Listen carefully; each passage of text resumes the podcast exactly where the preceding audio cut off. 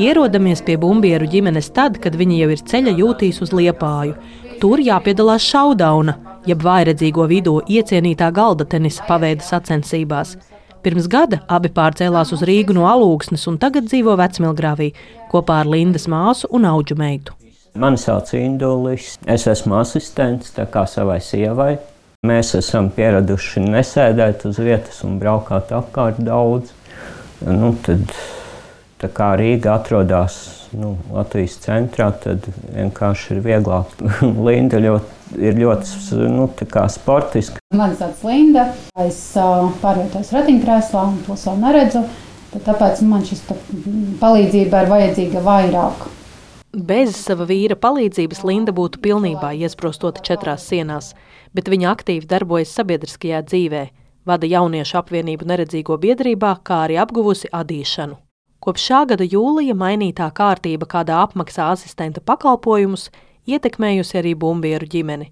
No vienas puses stundas likme ir palielināta un mazinātas birokrātiskās formalitātes, kas esot labi, turpina Indulis.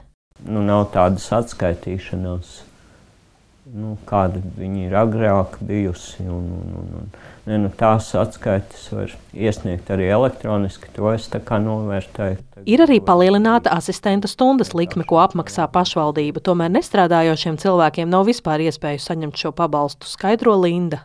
Ja cilvēks uh, tikai apmeklē kaut kādas nodarbības, dienas centrus, kaut kādas, tur nezinu, rokdarbu pulciņas, tad viņam stundas nepiešķirtas vispār kas uh, ir uh, it īpaši svarīgi pirmās grupas redzes invalīdiem. Tie ir 68 eiro mēnesī, ko saņem nestrādājoša neredzīga cilvēka asistents. Šis pabalsts ir nu, neadekvāts, jā, ja tas ir eiro 70 stundā. Nu, nu, tādu asistentu atrast par tādu algu praktiski neiespējami. Šī iemesla dēļ visbiežāk par asistentu cilvēkiem ar redzes invaliditāti kļūst ļoti tuvi draugi, ģimenes locekļi vai dzīves biedri.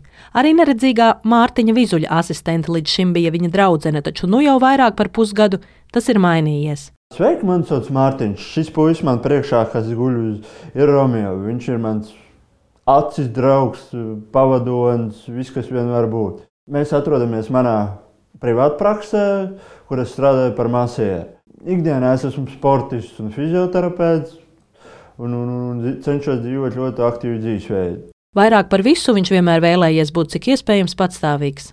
Vairs neatrodu stabus, jo tā es savā ikdienā līdz man piešķīra Romeo visur pārvietojos viens pats. Tagad es vispār nezinu, ko nozīmē ieskriet kādā stabā. Mārtiņš stāsta, ka abi ar savu draugu Romeo ir straujas dabas.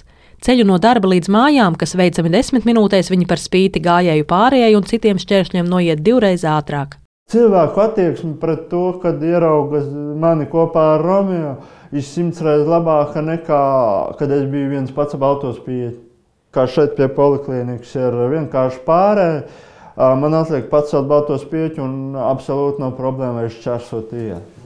Latvijā ir 16 suņu pavadoņi personām ar redzes traucējumiem. Suns izmaksā aptuveni 1000 eiro. Šogad valsts pirmo reizi apmaksājusi divus šādus suņus pavadoņus, un visdārgākā ir nevis paša suņa cena, bet gan speciālā apmācība, ar ko Latvijā nodarbojas servisa suņu piedrība Teodors. Apmācība ilgst vismaz gadu un izmaksā gandrīz 25 tūkstošus eiro turpina Romeo saimnieks Mārtiņš. Viņš māca tādus trikus, kā ieslēgt gaismu, izslēgt gaismu. Izejot no poliklīnikas, es viņam pasaku komandu mājas.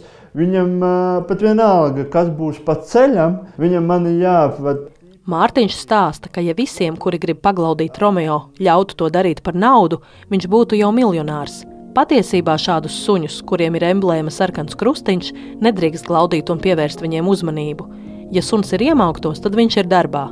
Šobrīd Latvijas neredzīgo biedrībā saņemti 20 iesniegumi no cilvēkiem, kuri vēlētos šādu suni pavadoni, bet biedrībā skaidro, ka tikai pēc rūpīgas izvērtēšanas var saprast, vai suns būs piemērotākais risinājums. Tīna Sidoroviča, Latvijas televīzija.